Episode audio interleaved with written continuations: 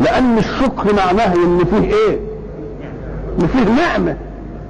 آه النعمة دي سيد الشاكرين بعد الحكاية دي قال لك إيه؟ هو إن كان حصل كده ففيه إيه تمحيص وفيه تعليم وفيه بيان لمكانته صلى الله عليه وسلم من ربه وفيه أنهم علموا تعليما يستحقون أن يستحق الله منهم أن أن يشكروه عليه. وسنجزي الشاكرين. ثم يأتي في قضية عامة. نقلت من كلامه عن رسول الله صلى الله عليه وسلم أفإن مات أو قتل؟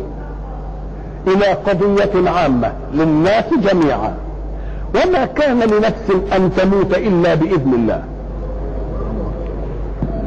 ما كان لنفس أن تموت إلا بإذن الله. ساعة ما تسمع ما كان لنفس يعني ما ينبغي. يعني ما كان لك أن تضرب زيدا يعني إيه؟ ما ينبغيش إنك أنت وتضربه. يبقى ما كان لنفس أن تموت إلا بإذن الله. طب هو الموت ده أمر اختياري؟ ما كان ينبغي لها أن تموت إلا بإذن الله. لكن التعبير له إيحاء.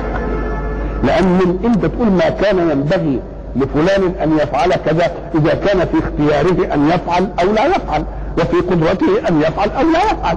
إنما أمر ليس في قدرته. ما يمكنش تقول هذا الكلام تقول إزاي ما كان لنفس ان تموت هي اللي بتموت. أم قال لك نعم. ده على فرض أنها تدفع نفسها إلى موارد التهلكة؟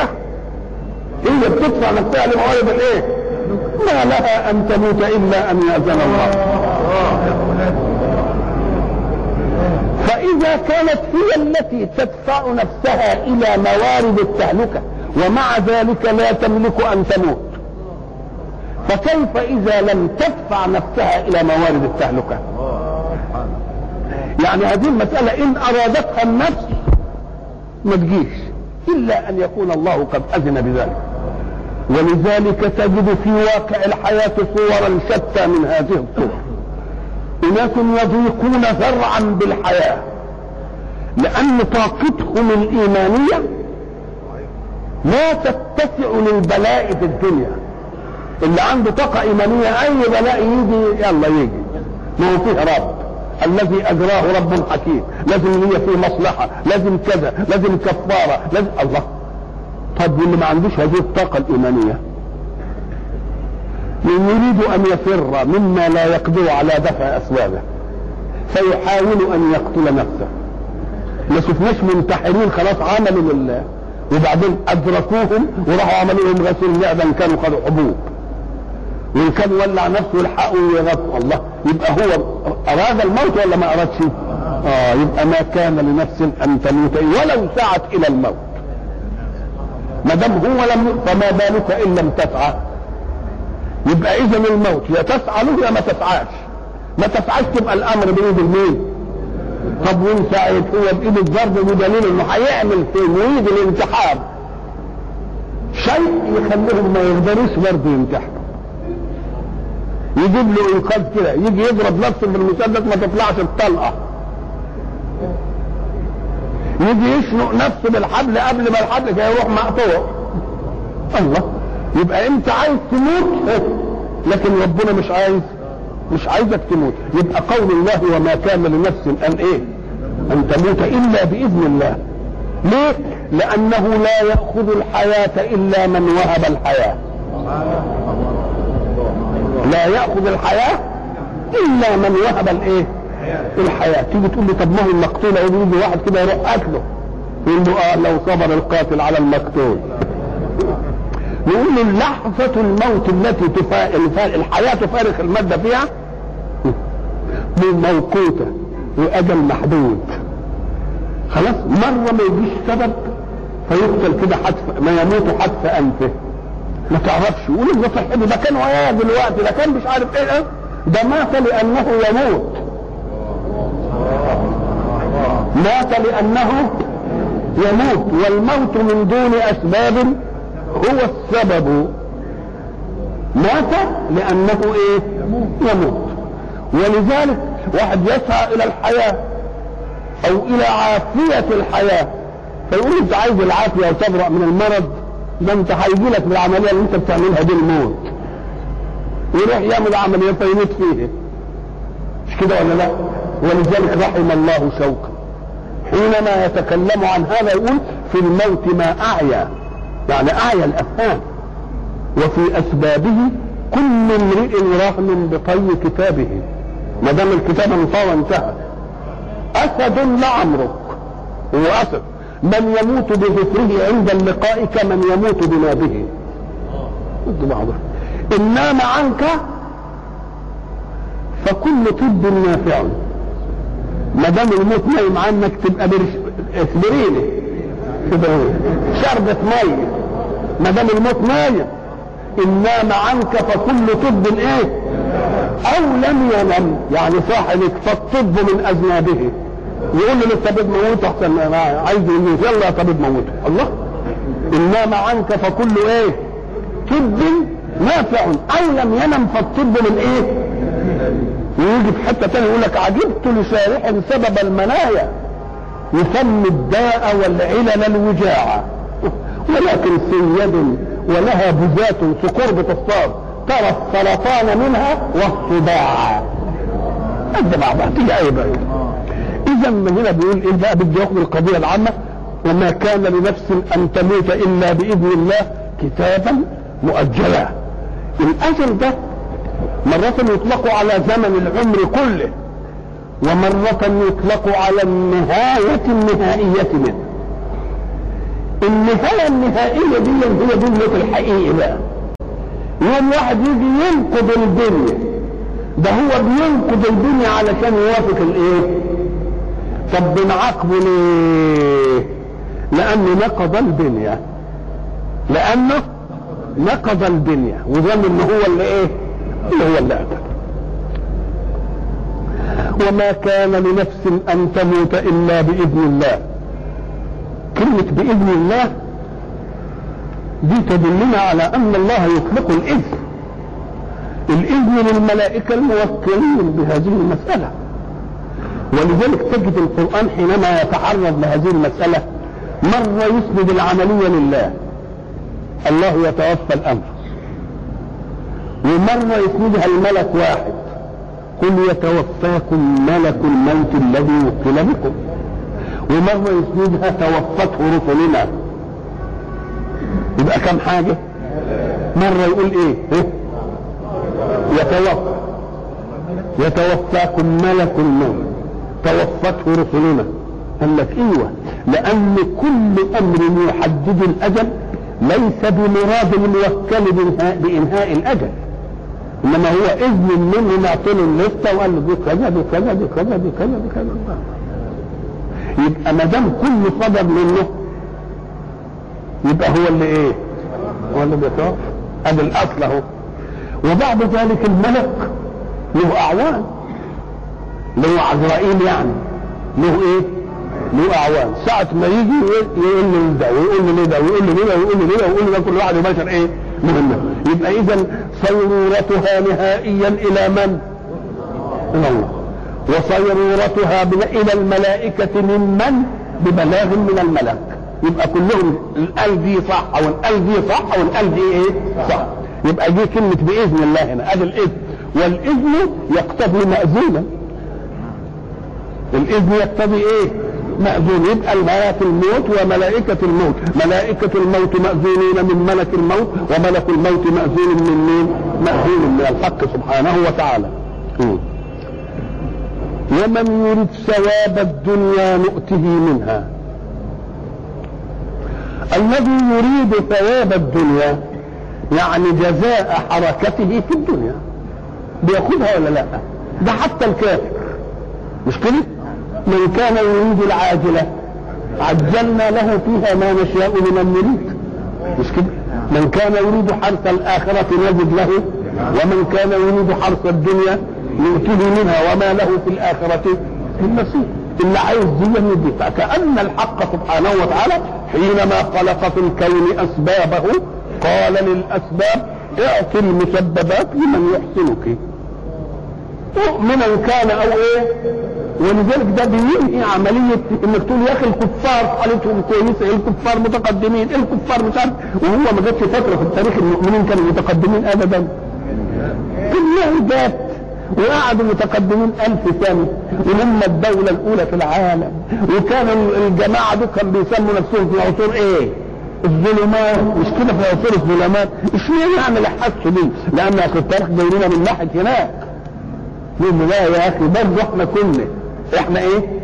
فحينما أخذنا أسباب ولذلك إحنا قلنا إن يجب المؤمن بالله يكون غيور على أسباب الله. لا يدع أسباب الله للكافر بالله. بقى الكافر بالله ياخذ أسباب الله. وانت يا مؤمن بالله تسيب الأسباب ياخذها هو لا انت الأصول إنك انت من يعبد الله أولى بسره في الوجود. الذي يعبد الله أولى بأن يأخذ السر في الإيه؟ فكنا إحنا نسيبهم مما ياخذوا الأسرار أو ده تقصير منا. ويمكن يجوا ياخذوا الأسرار ويفتنونا في ديننا نعم. ومن إيه؟ ومن يرد ثواب الدنيا نؤته منها ومن يرد ثواب الآخرة نؤته منها وسنجزي الشاكرين برضه. اتكررت مرتين.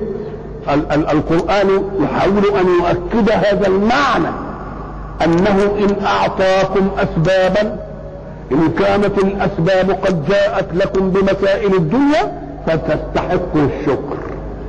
وإن كانت هتديكوا تكليف مع الأسباب وهيديكوا خير الآخرة تبقى تستحق الإيه؟ تستحق الشكر. وبعد ذلك بعد الكلام النظري وما كان لنفس أن تموت إلا بإذن الله كتابا مؤجلا كلام نظري يجي يقول وواقعه في موكب الإيمان الذي سبقكم موجود واقعا لأن في فرق بين الكلام وبين أن يقع مدلول الكلام فواقع الكلام سبقكم. فبيقول إيه؟ وكأي من نبي قاتل معه ربيون كثير. كأي كأي من نبي. كأي دي بيقولوا أنها للتكسير. زي كم معنى التكسير هنا يعني إيه؟ يجي واحد يقول لك أنت يا أخي جافيني ليه فتقول له كم فرتك؟ كم فرتك في ظاهرها انها استفهام ولا لا.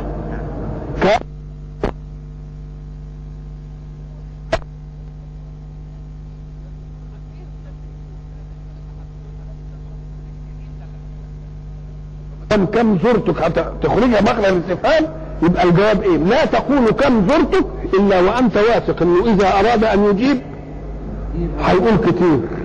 لو كنت ما انتش واثق انه هيقول كتير ما كنتش تقولها يبقى لما تقول له كم زرتك كم تفضلت عليك كم واسيتك كم أكرمتك أنت تريد أن تقول كثيرا أكرمتك. ولكن الكلام هيبقى منك أنت. وكلام منك أنت قد لا يكون حجه فتخرجه مخرج الاستفهام تقول له أنا راضي بذمتك أنا يا شيخ زرتك كم مرة؟ يبقى معنى ذلك إنك أنت واثق إن الجواب هيأتي على وفق ما تريد ولا لا. يوم يسكت كده يبقى معناها إنه إيه؟ إنه كثير. يبقى كم تأتي لإيه؟ للتكسير أدي كم. وتأتي مثلها كأي كأي يعني إيه؟ برضه كتير. أنت فاهم إنك أنت تقول لي يا ما بيحصل كذا. أيام حصل كذا أيام دي هي معناها كأي تيجي تقول له الحكاية دي حصلت إزاي؟ تقول له كأي رجل يفعل كذا يحصل له كذا. كأي رجل يفعل كذا يحصل له كذا. يعني المسألة مش إيه؟ مش غريبة. كأي رجل يحدث منه كذا يحصل له كذا. كأي رجل يبقى معناها إيه؟ أي رجل دي شاعت ولا لأ؟ تبقى كثير. يبقى بإيه؟ كأي نبي كأي من نبي. أنت لما تيجي في كم؟ تقول إيه؟ كم مرة زرتك؟ وكم من مرة زرتك؟ استعملين الاثنين أهو هنا بيقول إيه؟ كثيرا من نبي قاتل كما قاتل رسول الله. ومعه ربيون. ربيون يعني ناس. فقهاء فاهمين صبر في الحرب. ربيون أتباع يقاتلون ربيون منهجهم الهي زي الربانيين. طيب قاتل معه ربيون كثير. فما وهنوا لما ما وهنوا أي ما ضعفوا. الله. اذا هو بده يجيب الأسوة ليه؟ إنتوا ليه ضعفتم؟ في موقفكم في غزوة أحد وأنتم تقاتلون مع رسول الله. رسول الله كان أولى أن تكونوا في حماس معه أشد من حماس أي أتباع نبي مع نبيه. لأن ده النبي الخاتم اللي هيوضع المبدأ اللي هتقوم عليه الساعة. مش واحد هيجي حد بعده لا لا. يبقى كان يجب إنه إيه؟ ان تكونوا ده أنتم خير أمة أخرجت للناس. ده أنا ادخرتكم كذا. يبقى بيدي لهم مثل علشان يعمل إيه فيهم؟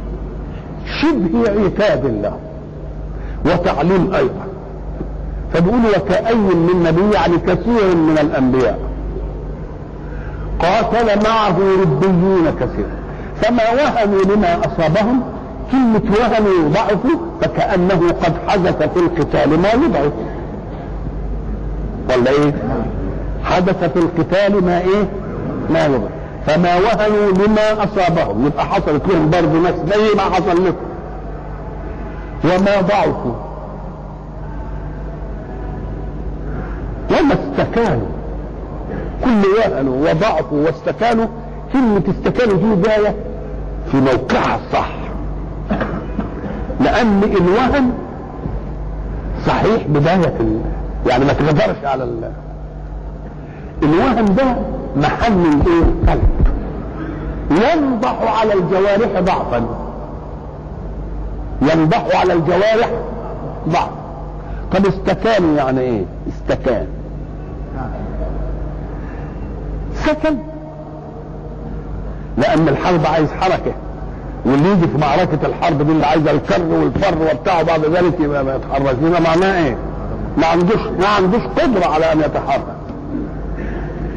ساعة ما تسمع إستا الألف والسين والت ويجي بعدها حاجة افهم إن الألف والسين والت للطلب. استفهم يعني طلب أن يفهم. مش كده؟ أدي الألف والسين والت زي ما تيجي تعرف إنه إيه؟ لطلب ما بعدها من المادة اللي بعدها. استعلم. يعني طلب أن إيه؟ يعني استخبر. طلب الإيه؟ الخبر. طيب هلا طب إست كان. طب كان دي؟ ما هي بقى إست يعني طلب كان. طلب إيه؟ طلب كان. وما معنى كان؟ لا كان الوجود. كان الشيء يعني إيه؟ وجد فكأنهم بلغوا من الوهن ومن الضعف مبلغا يطلبون فيه أن يكون لهم وجود. فكانوا طلبوا أن يكون لهم وجود فكأنهم من الوهن ومن الضعف ومن الخور لم يعد لهم وجود. فهم استكانوا يعني طلبوا إيه؟ أن يكون لهم وجود. ما عادش لهم وجود خالص. لأن الوجود مظهر الحركة والحركة انتهت. يبقى إيه دي استكانه إذا كانت من إيه؟ من كان. يعني طلبوا أن يكونوا. طلبوا أن يكون لهم إيه؟ وجود. يجي يبقى وزنها زي ما بيقولوا الصيفيين استفعل عشان ابنائنا التلامذه بقى والمدرسين يفهموا وزنها إيه؟ استفعل استكون يعني طلب الكون طلب الوجود. طيب. واستفهم طلب الإيه؟ طلب الفهم. طب يمكن وزنها مش كده يا سيدي؟ يمكن برضه. طب ما تكون من سكنه قال لك سكنه بقى ما تبقاش طلب. لأن السين هتبقى أصلية تبقى وزنها هنا مش استفعل لا. آه. افتعل الله يفتح عليك. يبقى يفتعل يبقى سكن. خلاص يبقى استكانوا طلب السكون. لا طب ده هم ساكنين. هم إيه؟ ساكنين. يبقوا عايزين يبقى إيه؟ يتحركوا. يتحركوا يعني إيه؟ يبقى يتوجدوا. يبقى الأولانية هي اللي إيه؟ هي اللي تنفع ويانا. الله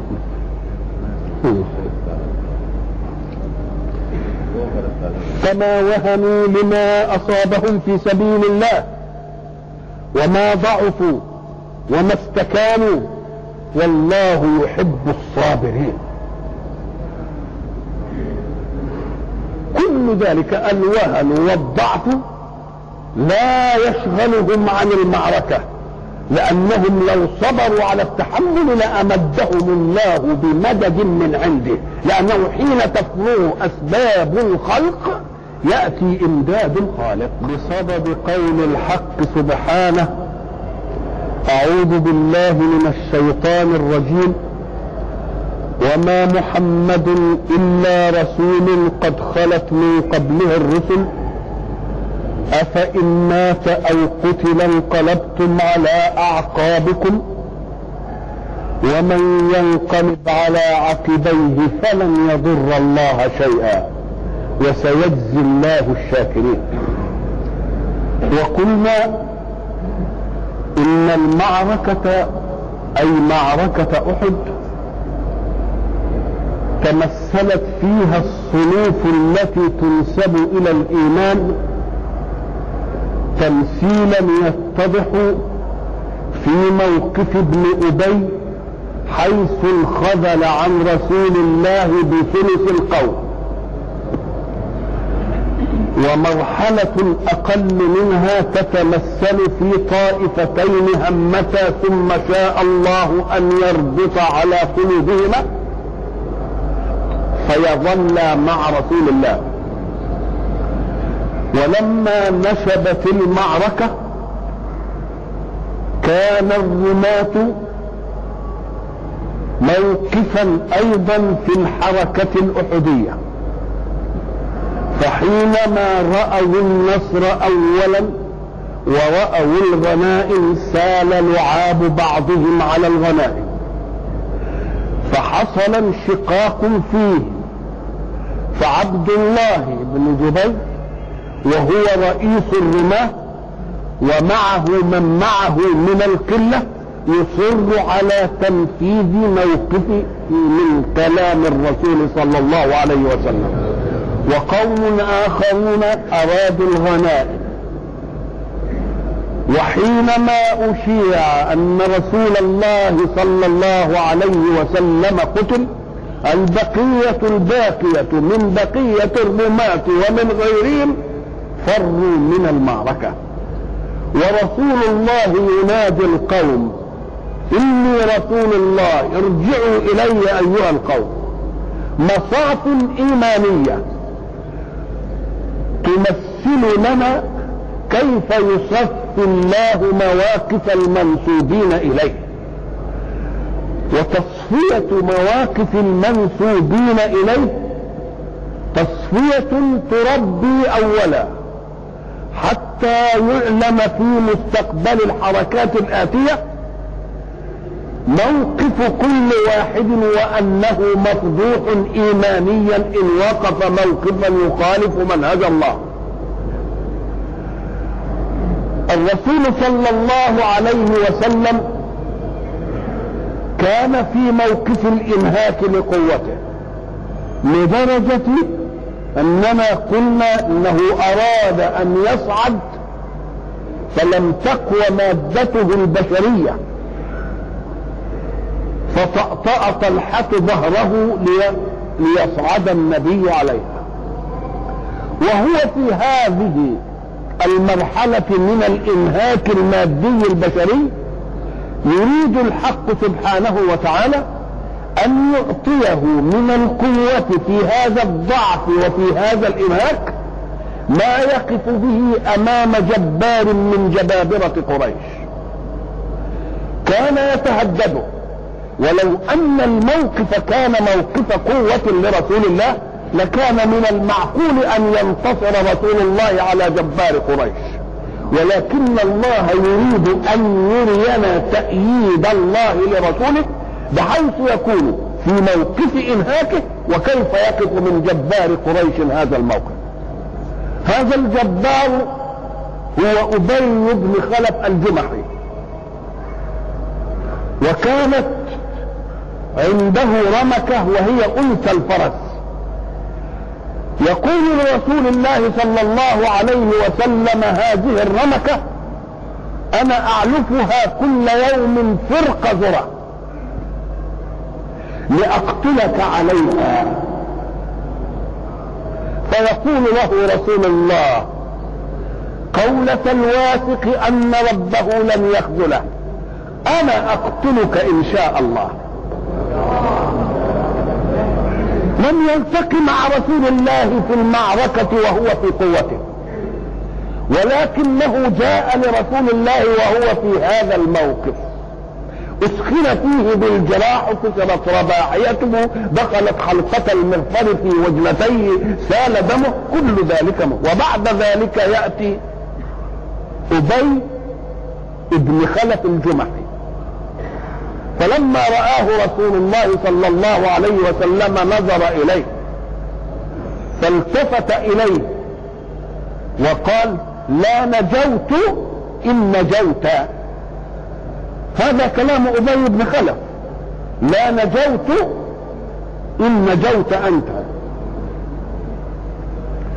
فيقول أصحاب رسول الله صلى الله عليه وسلم وهم الذين لا تزال فيهم مسكة من قوة ومن حركة. دعنا يا رسول الله نفعل به. فيشير رسول الله إليهم أن اسكتوا. إنه لا يريد قوة لقوة ولكنه علم أن أبي علم أن رسول الله منهك. فجاء في هذا الوقت فأخذ رسول الله الحربة من صحابي بجواره بالصمة وضرب أبي بن خلف بالحربة. ضربة نالت منه فتبهدأ من على فرسه يخور كما يخور الثور. فقال له أصحابه لا بأس عليك يا أبي إنها خدش بسيط انظروا كيف أن الذين عادوا رسول الله صلى الله عليه وسلم عادوه استكبارا وعنادا ولم يعادوه عقيدة قلبية فهم يعتقدون صدقه. وهم يعتقدون حسن بلاغه عن الله. ليحقق قول الحق سبحانه وتعالى وجحدوا بها واستيقنتها أنفسهم. فما هو الاستيقان هنا. فلما قالوا له لا بأس عليك يا أبي إنها قدشة بسيطة قال والله إنها طعنة لو طعنت بها ربيعة ومضر لقتلتهم. ربيعة ومضر أقوى قبلتين. قالوا لا بأس عليك هو خدش بسيط. قال لا والله. لقد علمت أنه يقتلني. لأنه قال أنا قاتلك إن شاء الله فوالله لو بصق علي بعدها لقتلني. وفي موقف الضعف وهو في موقف الإنهاك. يشاء الله أن يقتل جبار قريش وهو في هذه المعركة. كل تلك أدلة تثبت لهم أن البشرية المادية لا علاقة لها مطلقا بمدد النصر من الله. فهو يمد وقت الضعف. ومدده وقت الضعف إعلام بقيوميته على جنوده. لأنهم لو ظلوا أقوياء لقيل في عرف البشر أقوياء وغلبوا. فما فمسأل أقوياء وغلبوا انتهى. لا. وبعد ذلك يعطي الحق رسول الله.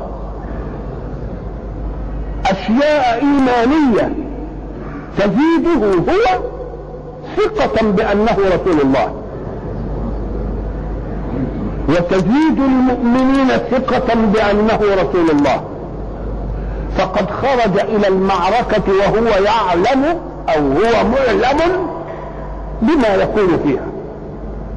لأنه قال رأيت في منامي أن بقرا يذبح. فأولته ببعض أصحابي يقتل. هذه أول مرحلة. وأن سيفي جاءت فيه كلمة.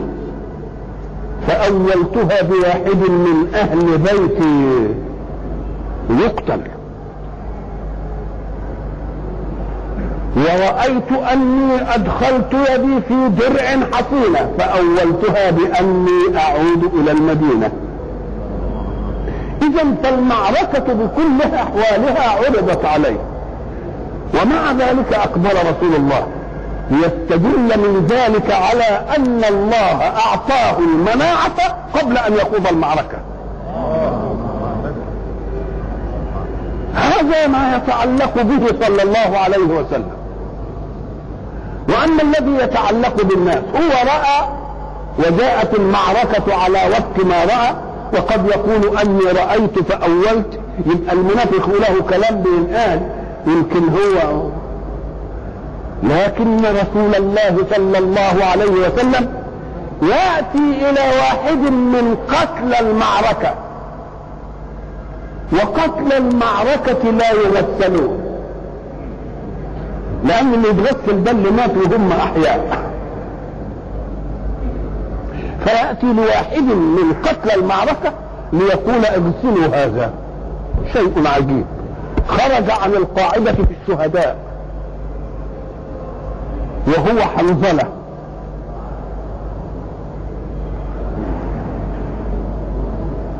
فلما عرف ذلك قال إن الملائكة غسلت. طب والملائكة غسلته إزاي؟ إن الملائكة هي اللي غسلته.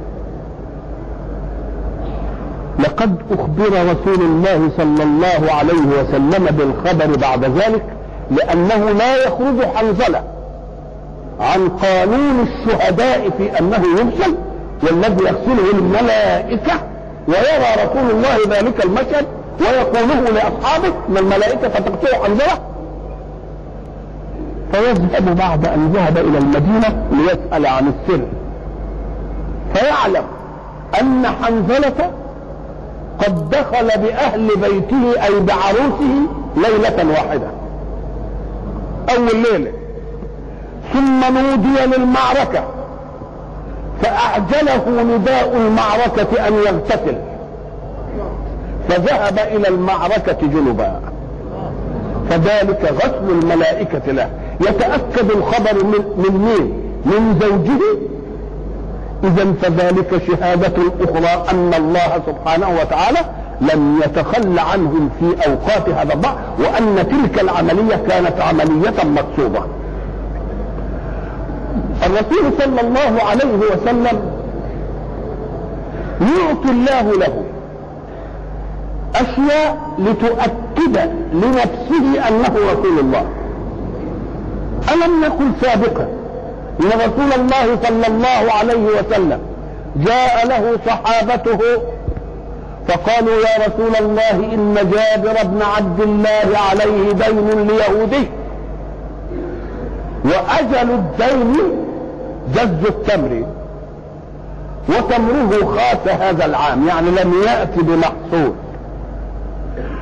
فنحب يا رسول الله أن تطلب من اليهودي أن ينذر جابرا. ينظروا يعني له الدين شوية. ذهب رسول الله إلى اليهودي وطلب منه أن ينظر جابرا.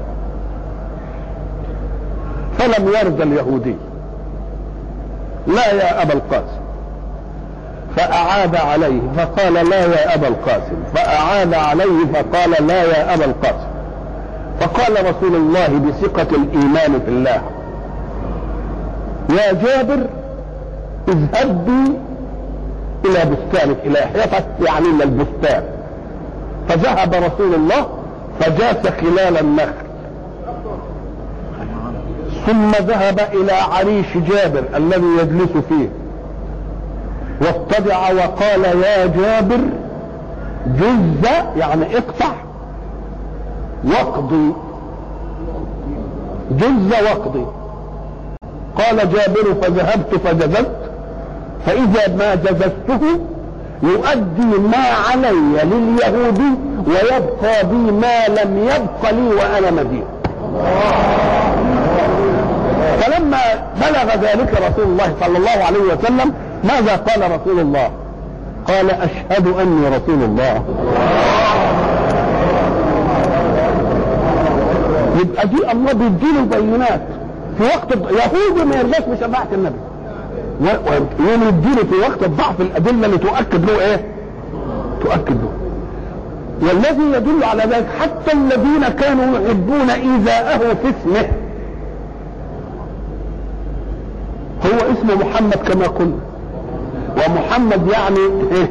ممدوح من الايه من الكل. ومش ممدوح بس ده ممدوح بكثرة. فيجي خصومه يريدون أن يهجوه ويشتموه ويلعنوه. يوم الله سبحانه وتعالى يصرفهم حتى عن شتم الاسم مش المسمى. هم من شتموا الاسم المسمى مش هينشتم لكن برضو أراد الله أن يصعد العصمة فقال ولا اسم يشتموه طب إزاي ولا اسم يشتموه أم قال إيه؟ ان سألهمهم أن يسموا أن يسموا المشتوم عندهم بدل ممدوح يسموه مذموم ويسموا بدل محمد مجمم. ويسموا بدل محمد إيه؟ ولما يلعنوا يشتموا ما يشتموش الاسم محمد يشتموا الاسم اللي هم بيقولوه مجمم. يوم رسول الله يضحك. لما سمع ما قالته أم جميل امرأة أبي لهب مزمما أبينا. مسمم يعني تقصد مين؟ تقصد محمد. بس معلش محمد ظنت بال- باللفظ المكرم عن إنها جابت اللفظ المقابل. مجمما أبينا ودينه قلينا وأمره عصينا. فيقول رسول الله صلى الله عليه وسلم ألا تعجبون؟ كيف يصرف الله عني ذم قريش؟ ويصرف عني شتمهم ولعنهم. إنهم يشتمون مذمما ويلعنون مذمما وأنا محمد. شوف شوف إزاي ربنا من, من, أفواههم هم نفسهم. اللي هي اللي فاهمة إنها تجيب علشان يبعد حتى عن الإيه؟ حتى عن الاسم أن يلعن. أما المسمى فلم يلعن ولم يذكر لهم اللفظ يقولوا فيه حتى ولا هذا. حتى ولا هذا. كل ذلك جاء في هذه المعركة فكأن هذه المعركة كانت التربية الأولى لصحابة رسول الله والتأكيد على صدق بلاغه عن الله. ولذلك حين نلحظ المعارك التي جاءت بعد هذه المعركة لم تجد هزيمة لهم في معركة أبدا لأنهم صفوا التصفية وربوا التربية اللي كل واحد عرف إن ربنا هيفضح اللي في نفسه وربنا هيقول عليه فكل واحد دخل المعركة إيه؟ وكل المعارك بعدها جاءت إيه؟ جاءت نصر وجاءت سلامة. فهو يقول يعلمنا أفإن مات وإن الموت والقتل والفرق بينهم انقلبتم على إيه؟ عقابكم. انقلب على عقبه صورة حركية مادية. م- مرئية. طب صحيح ده في المعركة لأنهم فروا وانقلبوا كده. معنى انقلب كأنه كان مواجه لمعركة. وبعدين انقلب كده يعني إدى ظهره الإيه؟ يبقى هي قد بعضها ولا الادبار ولا لا؟ ما هو ولا الايه الادبار طيب. ولكن فيها معنى انقلاب حسي أيضا. بعد الانقلاب الحسي فيه معنى انقلاب ثاني انقلاب نفسي. وهو إيه؟ وهو انصراف عن أصل الدين. ولذلك هيجي بعدين يعرفنا إن المنافقين بعد الحكاية دي ما حدثت. كان لهم والمؤمنين اللي هم يعني شوية كده لهم كلام. المنافقين اللي هم شر من الكفار. قالوا خلاص بقى إحنا نرجع لديننا وللإيه؟ واللي شوية شوية إيمانهم يعني مؤمنين برضه إنما إيمانهم ضعيف قالوا لا إحنا سنذهب إلى يأخذ لنا أماما من أبي سفيان.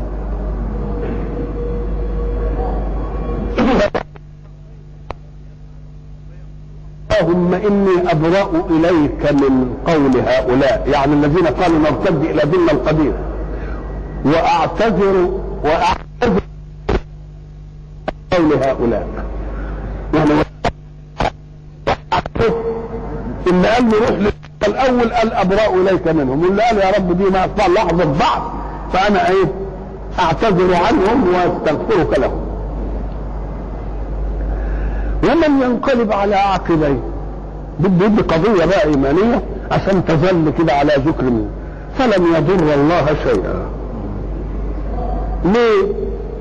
قال لك لأن الله قبل أن يخلق شيئا من خلقه له كل صفات الكمال. إذا فأي صفة من صفات الكمال لم تطرأ بالخلق؟ وإنما طرأ بها الخلق. ده هو اوجد لأنه إيه؟ قادر. اوجد لأنه حكيم. اوجد لأنه عالم. الله كل دي. إذا خلقكم لم يجده صفة من صفاته. يبقى حين خلقكم وصنعكم أعطى لكم المنهج لتكونوا خلقا سويا. تبقى المصلحة عايده على مين؟ علينا إحنا يبقى كان يجب أن تنظروا إلى المناهج من الله على أنه لا نفع فيها لله ولكن النفع عائد عليه. ولذلك من يلحظ هذه يبقى ربنا يستحق الشكر على أن نكلم. ولذلك جاءت الآية بعد ذلك لتقول وسيجزي الله الشاكرين.